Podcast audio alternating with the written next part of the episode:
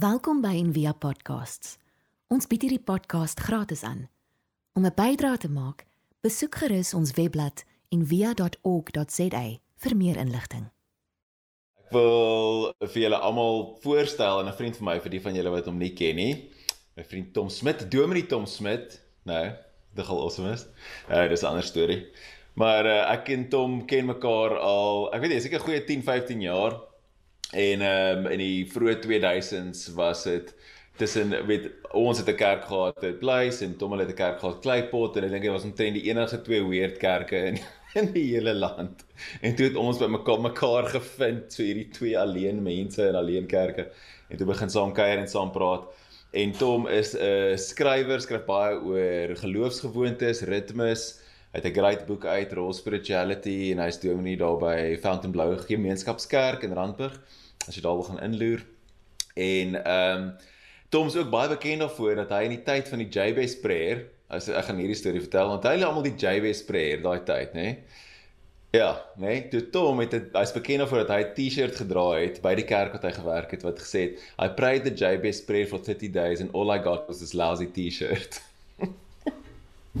Wat is die beste is ever. So ek is baie bly jy saam met ons Tom is my regtig gevoorreg. Dankie dat jy so tussendeur al jou gewone kerkstaf ook ons ons kan inpas. So baie dankie sien uit om te hoor wat jy vir ons bring.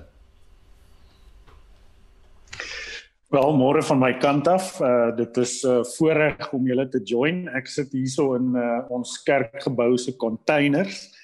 Ehm um, ons het nou net ons erediens geëindig. Hierdie is soos Peer vroeër gesê het, die laaste Sondag van die kerkjaar. Ehm um, so ons is nog steeds daai weird groepie mense wat 'n ander kalender het. Ek sê ook altyd vir ons gemeente dat ons is natuurlik daai groep Christene wat glo dat die die week begin op 'n Sondag. So ek weet nie of jy al opgemerk het nie, maar partymal as jy nou jou foon kan instel vir sy kalender, dan vra Steve Jobs of Bill Gates vir jou wanneer wil jy hê moet jou week begin? En ons is natuurlik daai groepie wat sê ons begin ons week op 'n Sondag. Ehm um, so ons is bietjie op 'n ander tydskedule en as jy die leesrooster gevolg het in die laaste paar weke soos wat julle gemeente doen, dan het julle nou gesien dat mense werk verskriklik baie die laaste ruk met eindtyd tekste. En 'n manier om oor hierdie eind tyd tekste te dink is dat baie van die tekste waarna ons kyk het 'n relevantie gehad vir Jesus se hoorders in daai tydstip waarin hulle hulle self gevind het. Met ander woorde, dit was relevant vir toe, maar dit het ook 'n relevantie vir later. Nou hierdie tekste ehm um, hou ek daarvan om oor te dink met die die tema under new management dat wat ons is is ons is daai groep mense wat nie net op 'n ander tydlyn lewe nie maar ons lewe ook onder 'n ander tipe bestuur. En dis hoekom hierdie Sondag wat se titel ook Christus as koning is is soos Dion ook vroeër gesê het is 'n metafoor wat baie keer in die Ou Testament ook as 'n herder beskryf is is ons het 'n nuwe leier ons het 'n ander tipe leier. En hierdie leier leer ons om in hierdie tydstip te lewe soos wat ons vir ewigheid gaan lewe. En daarom is dit ook belangrik vir ons as volgelinge van Jesus om ook die tipe mense te wees wat op daai tydstip wat nou is anders na ons lewens te kyk. En ons teksvers vandag, uh een van hulle in die leesrooster het ons reeds gelees wat Jesegiel 36 is. Die ander een is Matteus 25. Nou ek het nie funky slides by my ongelukkig nie want my rekenaar is gebruik in ons erediens maar ek gaan vir ons die teks voorlees. So dis Matteus 25 vers 31 tot 46. Dis 'n teks wat ek dink julle al van voorheen gehoor het. Dink daaraan as under new management. En wanneer die seun van die mens in sy heerlikheid kom en al die heilige engele saam met hom, dan sal hy op sy heerlike troon sit en voor hom sal al die nasies versamel word en hy sal hulle van mekaar afskei soos die herder van die skape van die bokke afskei. En hy sal die skape aan sy regterhand en die bokke aan sy linkerhand sit. En dan sal die koning vir die wat aan sy regterhand is sê kom, julle geseëndes van my Vader, beerf die koninkryk wat vir julle berei is van die grondlegging van die wêreld af. Want ek het honger gehad en julle het my ete gegee. Ek het dors gehad en julle het my te drinke gegee. Ek was 'n vreemdeling en julle het my herberg gegee. Ek was naak en julle het my geklee en ek was siek en julle het my besoek. In die gevangenis was ek en julle het na my toe gekom. Dan sal die regverdiges om antwoord en sê: "Maar Here, wanneer het ons u honger gesien en gevoed of dors en te drinke gegee? En wanneer het ons u 'n vreemdeling gesien en herberg gegee of naak en geklee? En wanneer het ons u siek gesien of in die gevangenis en na u toe gekom?" En die koning sal antwoord en vir hulle sê: "Voorwaar, ek sê vir julle, so voor sover julle dit gedoen het aan een van die geringstes van hierdie broers van my het julle dit aan my gedoen dan sal hy ook vir die aan sy linkerhand sê gaan weg van my julle vervloektes in die ewige vuur wat berei is vir die duiwel en sy engele want ek het honger gehad en julle het my nie ete gegee nie ek het dors gehad en julle het my nie te drinke gegee nie ek was 'n vreemdeling en julle het vir my nie herberg gegee nie naak en julle het my nie geklee nie, siek en in die gevangenis en julle het my nie besoek nie. Dan sal hulle hom ook antwoord en sê: "Maar Here, wanneer het ons u honger gesien of dors of 'n vreemdeling of naak of siek of in die gevangenis en u nie gedien nie?" En dan sal hy hulle antwoord en sê: "Voorwaar ek sê vir julle, so, vir sover julle dit nie gedoen het aan een van hierdie geringstes nie, het julle dit aan my ook nie gedoen nie." en hulle sal weggaan in die ewige straf maar die regverdiges in die ewige lewe. Ons lees tot sover. Hier is natuurlik 'n teks wat uh met ons praat oor die eindtye en spesifiek oor die oordeel. So hier's nogal baie om uit te pak. Maar wat dit vir ons gee, dink ek, is so 'n paar riglyne oor die tipe management waaronder ons nou is. En die eerste ding wat ek dalk daar daaroor wil sê is dat die heerser onder wie ons leer om te lewe is 'n heerser wat se aandag gerig is op die geringstes. In 'n wêreld van celebrity en in likes in 'n wêreld van gepolished wees is dit dat hierdie management gaan uitsoek die wat die geringste is die teks wat ons vroeër uit die message uitgelees het of uit die boodskap uit in die Segiel het gepraat oor hoe die Here soos 'n herder sal uitgaan om te soek. En nou wat ons weet onder hierdie nuwe management is dat ons gerekruut word om ook dies te wees wat ons aandag vestig op die geringstes. Nou ek weet nie van julle nie, maar in daai opsig is ek baie keer nie 'n skaap nie, maar 'n bok. Dis 'n interessante woord, julle hierdie prentjie wat gebruik word in hierdie teks is die verskil tussen skape en bokke en ons taal in Afrikaans praat ons baie keer van daai oues 'n bok vir sports. 'n Bok was 'n weerbarstige dier gewees, 'n dier wat uh, individualisties wees, was wat hardkoppig was en wat nie homself baie keer by die trop geskaar het nie En ek ken dit. Ek weet hoe dit is om as 'n bok nie my oë te hê vir die kollektief nie. En in hierdie teks word ons ingenooi om as jy 'n bok is, jou skaaphart te ontdek. En as jy jouself skaar by die skape om ook te weet dat daar baie keer binne in jou ook 'n bok is. Nou ek wil iets sê oor die agtergrond van hierdie teks as jy fyn lees deur die boek van Matteus, dan van Matteus 24 af tot hier aan die einde van Matteus 25 staan bekend as Jesus se berg of of die, uh, die tweede bergrede. En die konteks is dat die disippels was saam met Jesus in die tempel en na in die begin van Matteus 24 sit hulle bo op die olyfberg en hulle kyk na die pragtige tempel wat die versinnebeelding was van die Here se teenwoordigheid.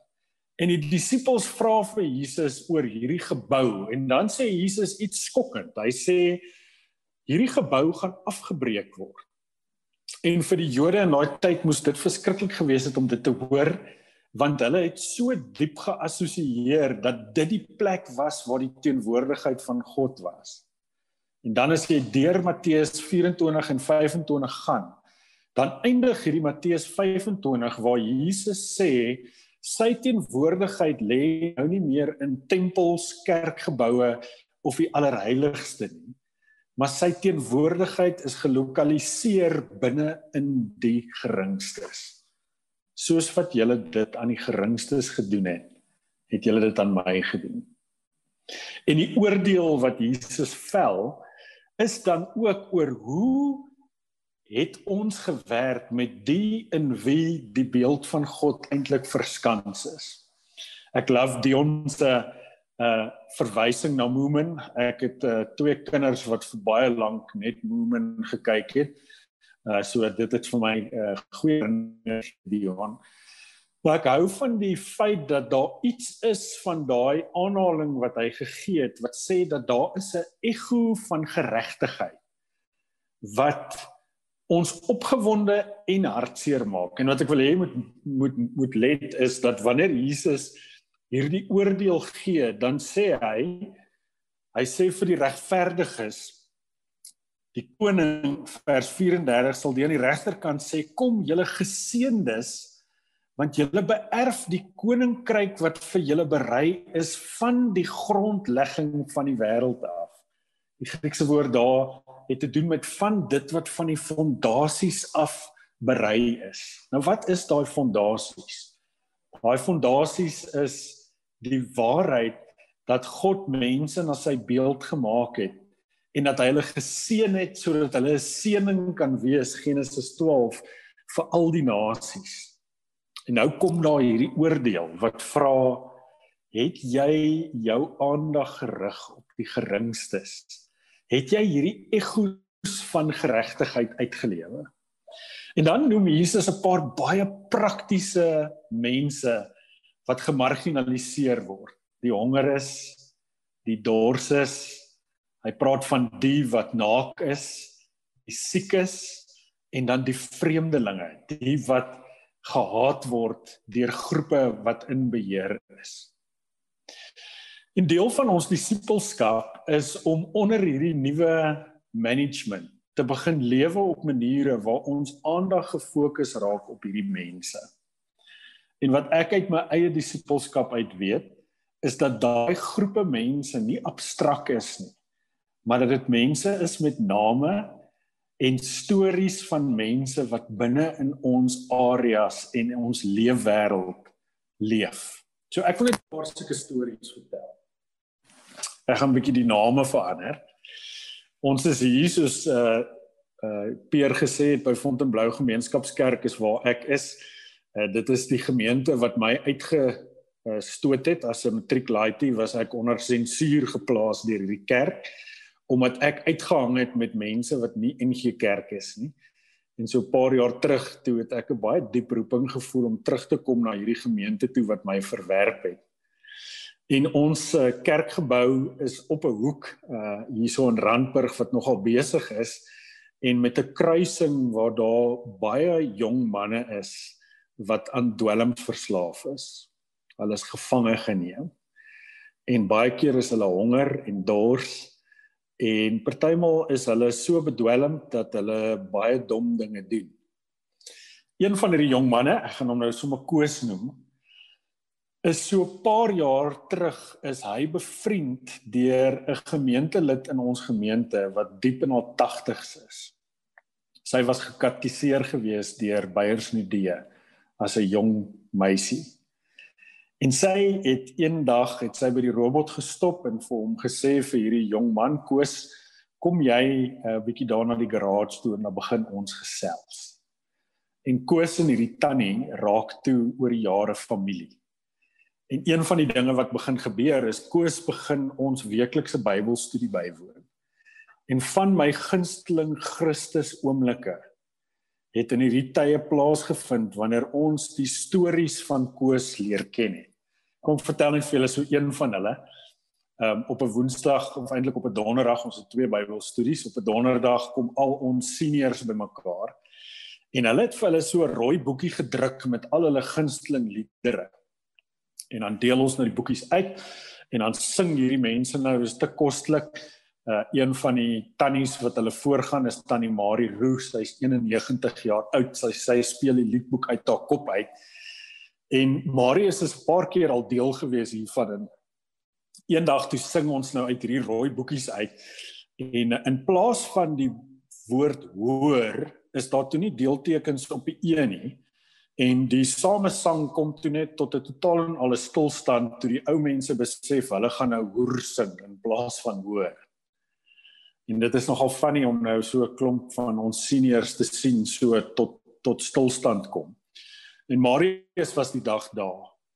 En uh hy vra toe toe ons klaar gesing het, kan kan hy asseblief al die boekies inneem? En uh hy neem toe al die boekies op En tydens die Bybelstudie sit hy toe met 'n pen en verander elke hoer na hoor toe. Hierdie jong man wat ons as 'n geloofsgemeenskap gereduseer het as 'n druggie raak toe iemand wat deel raak van ons geloofsgemeenskap. En ons kom toe agter dat hierdie jong man net 'n diep lewe saam met die Here Die enigste verskil tussen hom en ons is waar ek dalk 'n verslawing aan Netflix het, het hy 'n verslawing aan dwelms. Ons kom toe agter dat hy 'n diep diep verhouding met die Here het en dat hy byvoorbeeld sy Bybel baie baie goed ken. So 'n paar jaar terug eendag kom hy na my toe en hy sê vir my kan hy asseblief my kar was want hy's baie honger en so kan hy vir my iets gee en dan kan ek vir hom kos koop en ek sê toe vir hom is reg. Hy was toe die kar en dis toe daai oomblik waar ek my kinders by die skool moet gaan haal. En hy vra toe vir my kan hy asseblief saam ry. En ewe skielik word ek nou uitgenooi om hierdie vreemdeling binne in my spasie in te bring om hom bloot te stel aan my kinders. En uh ons ry toe en ek gaan laai my seun wat in die laerskool en my dogter wat in die hoërskool is op.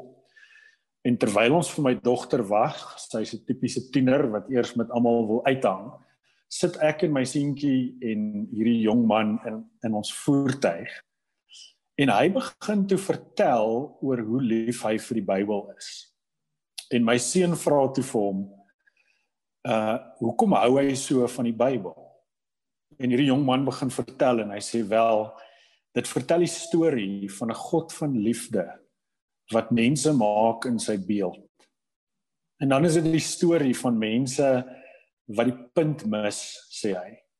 En wat diep in verderf in verval.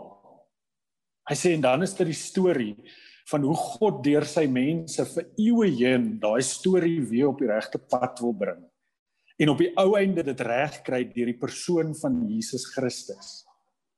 En toe kyk hy so vir my seentjie en hy sê dit is hierdie storie wat my lewe verander. Toe ons by die huis kom.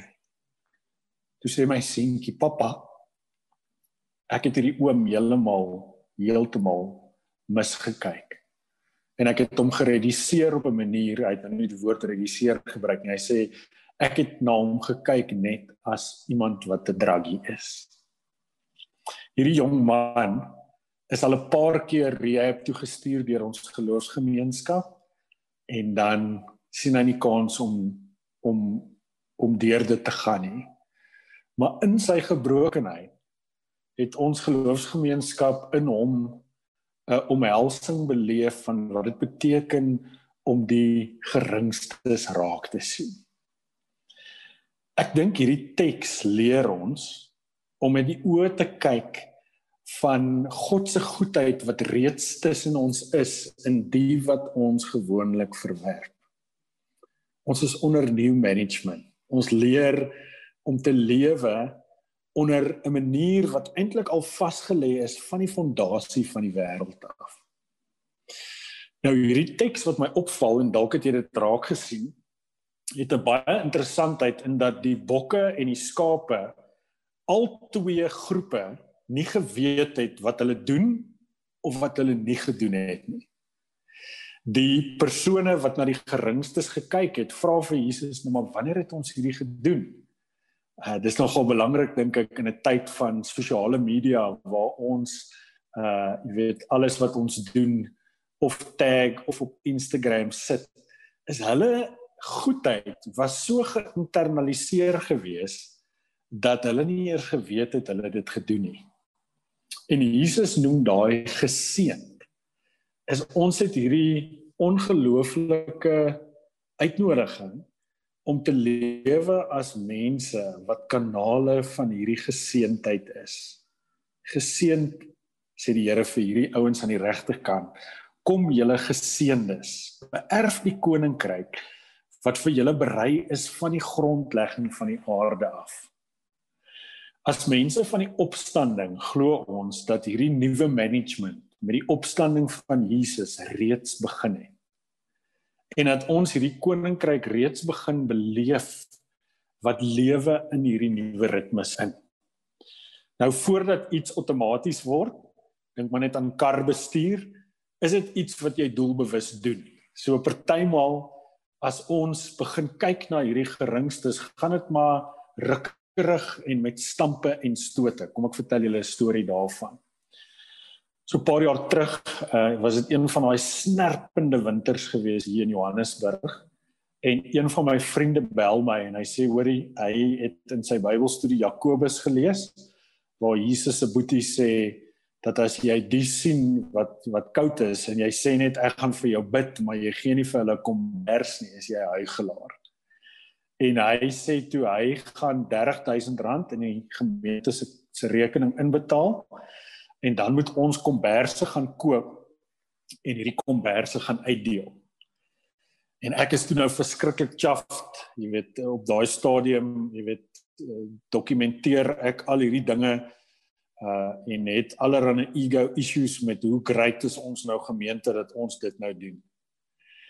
Die aand toe ons die komberse uitdeel, gebeur daar iets met my. Uh ons het hier naby ons winkelsentrum Cresta en een van die geboue het 'n groot opening of nie 'n groot opening nie so 'n meter en 'n half onder die fondament waar baie mense wat wat uh op die straat bly woon. En ek vat toe so 5 van hierdie komberse en ek leopard krol daar onder deur die gebou en ek dink jy ek is nou 'n tipe special forces for Jesus. En daar diep sien ek lê 'n paar mans in slaap en ek skree toe vir hulle om hulle aandag te kry om vir hulle 'n kombers te gee. En die een ou draai toe om en hy sê in baie kritaal waar hy die F-woord gebruik. Hy sê hy sê this is just another F-word white person who is bringing me something so that he can feel better about himself. Op daai oomblik vlek daai toe iets van my eie selfsug op en oop en besef ek dat ek het nog so baie om te leer. Nou my vriend Skalk sê altyd dat wanneer jy na Matteus 25 kyk, dan is daar hulpbronne en dan is daar verhoudings. En dat die maklike goed is om die hulpbronne te gee. Die moeiliker deel is om die verhoudings te bou. En Jesus bring nie net dat ons water en kos gee nie. Hy het ook iets van 'n verhoudelike aspek dat ons omsien en dat ons versorg. En daar's iets van verhouding wat daarin kom. Ehm um, ek dink die uitnodiging vir ons is dat hierdie teks in ons lewe ons waaksaam maak om die beeld van Christus in mense rondom ons te sien. Ek wil afsluit met 'n storie wat in die laaste jaar in ons geloofsgemeenskap afgespeel het. Uh, ons het 'n oom in ons gemeente gehad wat nou oorlede is. In die laaste paar maande van sy lewe het hy nogal knorrig geraak. En met my laaste huisbesoek met hom toe hy al baie baie siek was, toe gaan sit ek by hom op sy stoep en Jesus ontmoet my daai dag toe deur hom en ek wil julle die storie vertel. Ek kom maar aan en hy sit daar op sy stoep hierso in 'n woonbuurt Fontainebleau waar ons gemeente is. En langs hom lê sy verkyker. En uh, ek en hy begin gesels en ek is nogal intrigued deur hierdie verkyker van hom. En ek sê vir hom, uh, "Hoe gaan dit met hom?" En hy sê, "Nee, dit gaan baie sleg met hom." En hy begin moan oor die bome wat die tannie geplant het in die huis. En hy sê, "Kyk net hierdie geel geel oud bome wat my vrou geplant het." Hy sê, "Sy het hierdie bome 45 jaar terug geplant." Hy sê, "Nou is die goed so groot, ek het nie eers meer sonlig op my stoep nie." en hy gaan na te kere oor hoe sy middagsonnetjie weg is en sy oggendsonnetjie in die een hoek. En ek vra vir hom oom nou, vertel my van hierdie verkyker van jou. En uh hy vertel my toe nee, hy gebruik dit om voëls te identifiseer. En ek vra vir hom oom nou, hoeveel voëls kan jy nou hier in Joburg in die stad nou hier van jou stoep af identifiseer? En hy sê vir my raai. En ek sê vir hom nee, ek weet nie seker so 13. Hy sê vir my nee, 51. En hy haal sy boekie uit en hy begin vir my wys watter voëls hy alles daar sien. En ek begin toe dink oor hierdie oom se lewe. Hy was 'n polisieman gewees, 'n harde lewe gehad het. En uh hy het toe hier in in, in Randburg, het hy in sy ou dag 'n besigheid begin.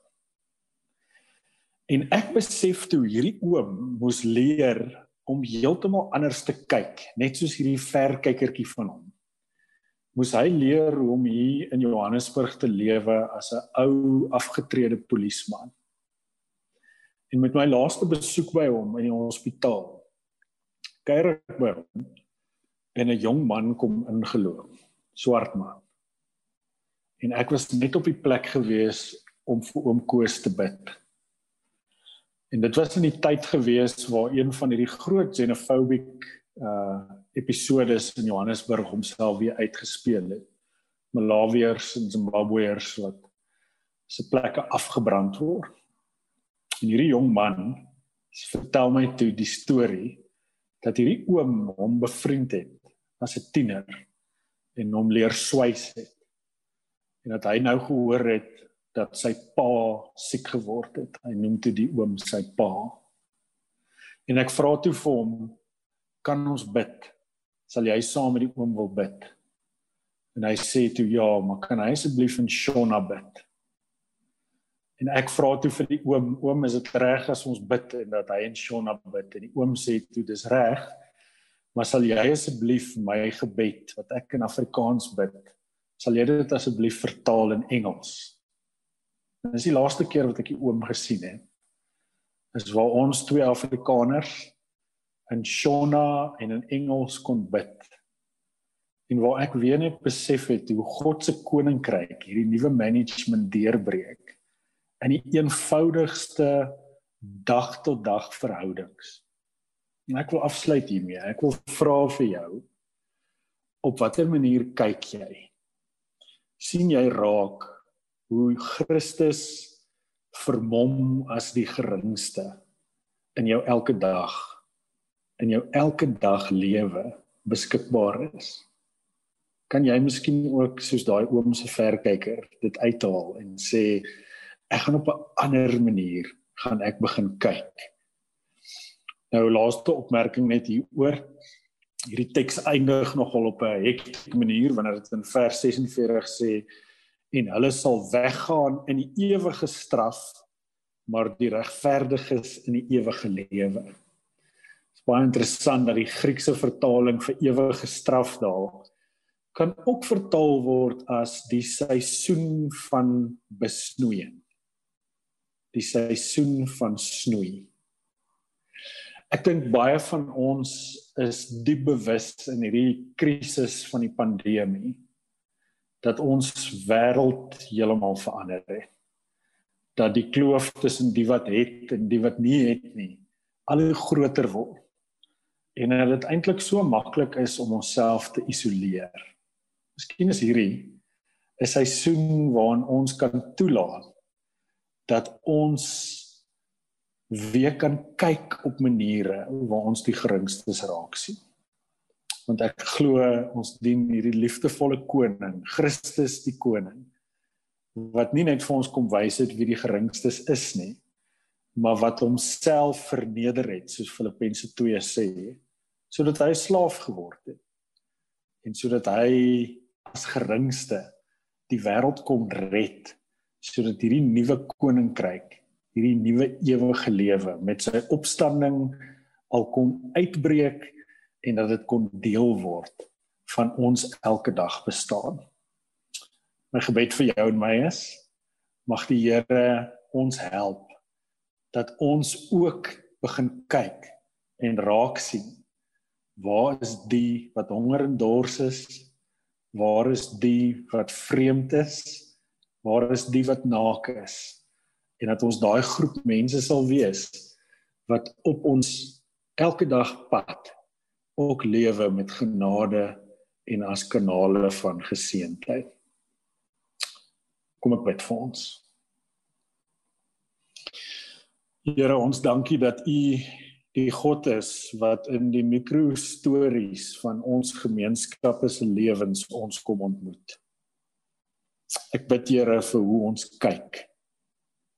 Ek bid Here help ons om nie net verblind te word met die groot en die spectacular nie.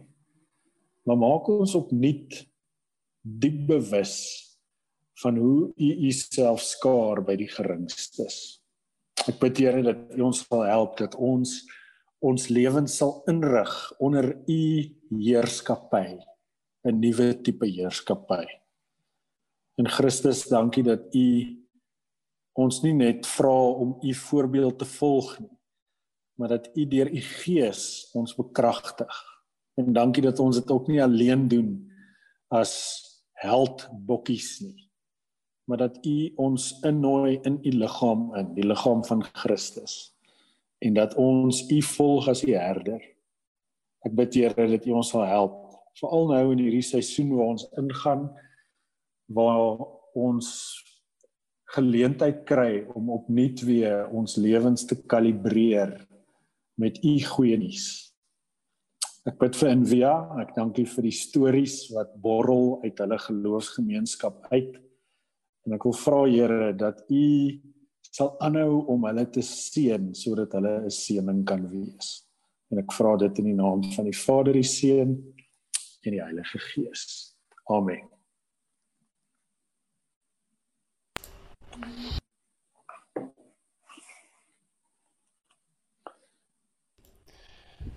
Amen. Baie dankie vir daai Tom. Dit was regtig spesiaal en uh regtig uh, timely. Uh as jy nog so rukkie wil rondhang nadat ons klaar is, dan kan jy op Zoom, maar voor ek dit doen, laat ek net sê hou net jou hande uit of so en dan sal ek net vir ons se seën uitspreek. Mag jy in hierdie week wat kom regtig die geringstes rondom ons raak sien en nie net uitdeel nie, maar deel en mag jy dit regtig ervaar dat jy die Here se kanaal van seën is in die naam van die Vader en die Seun en die Heilige Gees. Amen. Ons hoop van harte jy het hierdie podcast geniet of raadsaam gevind. Besoek gerus en via.ok.za vir meer inligting.